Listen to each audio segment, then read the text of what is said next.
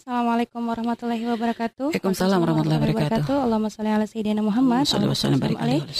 Umi, bagaimana hukumnya atau adabnya membaca salawat di depan guru yang lagi ngajar? Jadi pas kita belajar kita sibuk baca salawat eh, di depan guru kita yang lagi menerangkan. Itu namanya su'ul adab. Anda bukannya dapat pahala. Malah dalam bab tolabul ilm itu gak dianjurkan. Jadi ketika guru mengajar fokuslah dengan apa yang diajarkan oleh guru. Ya. Karena ilmu yang disampaikan oleh guru belum tentu bisa Anda dapatkan di buku. Jadi kadang tidak semua yang diajarkan guru itu ternyata ada di buku walaupun Anda punya buku panduannya. Mhm. Tapi tetap kadang guru itu sama Allah diberi dibimbing oleh Allah lisannya untuk memberi ilmu-ilmu tambahan yang tidak ada di kitab mana pun bisa saja seperti itu. Sehingga solawat itu ibadah. Umi tidak merendahkan solawatnya, hanya tempatnya tidak pas. Ya.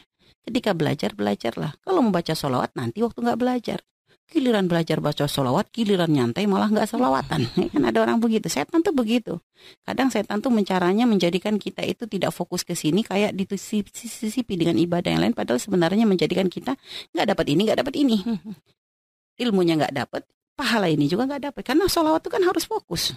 Sambil kita mengingat Allah, sholli ala sayyidina. Semoga sholat senantiasa tercurahkan untuk Nabi kita Nabi Muhammad. Kan begitu. Harinya harus ada kekhusyuan dong.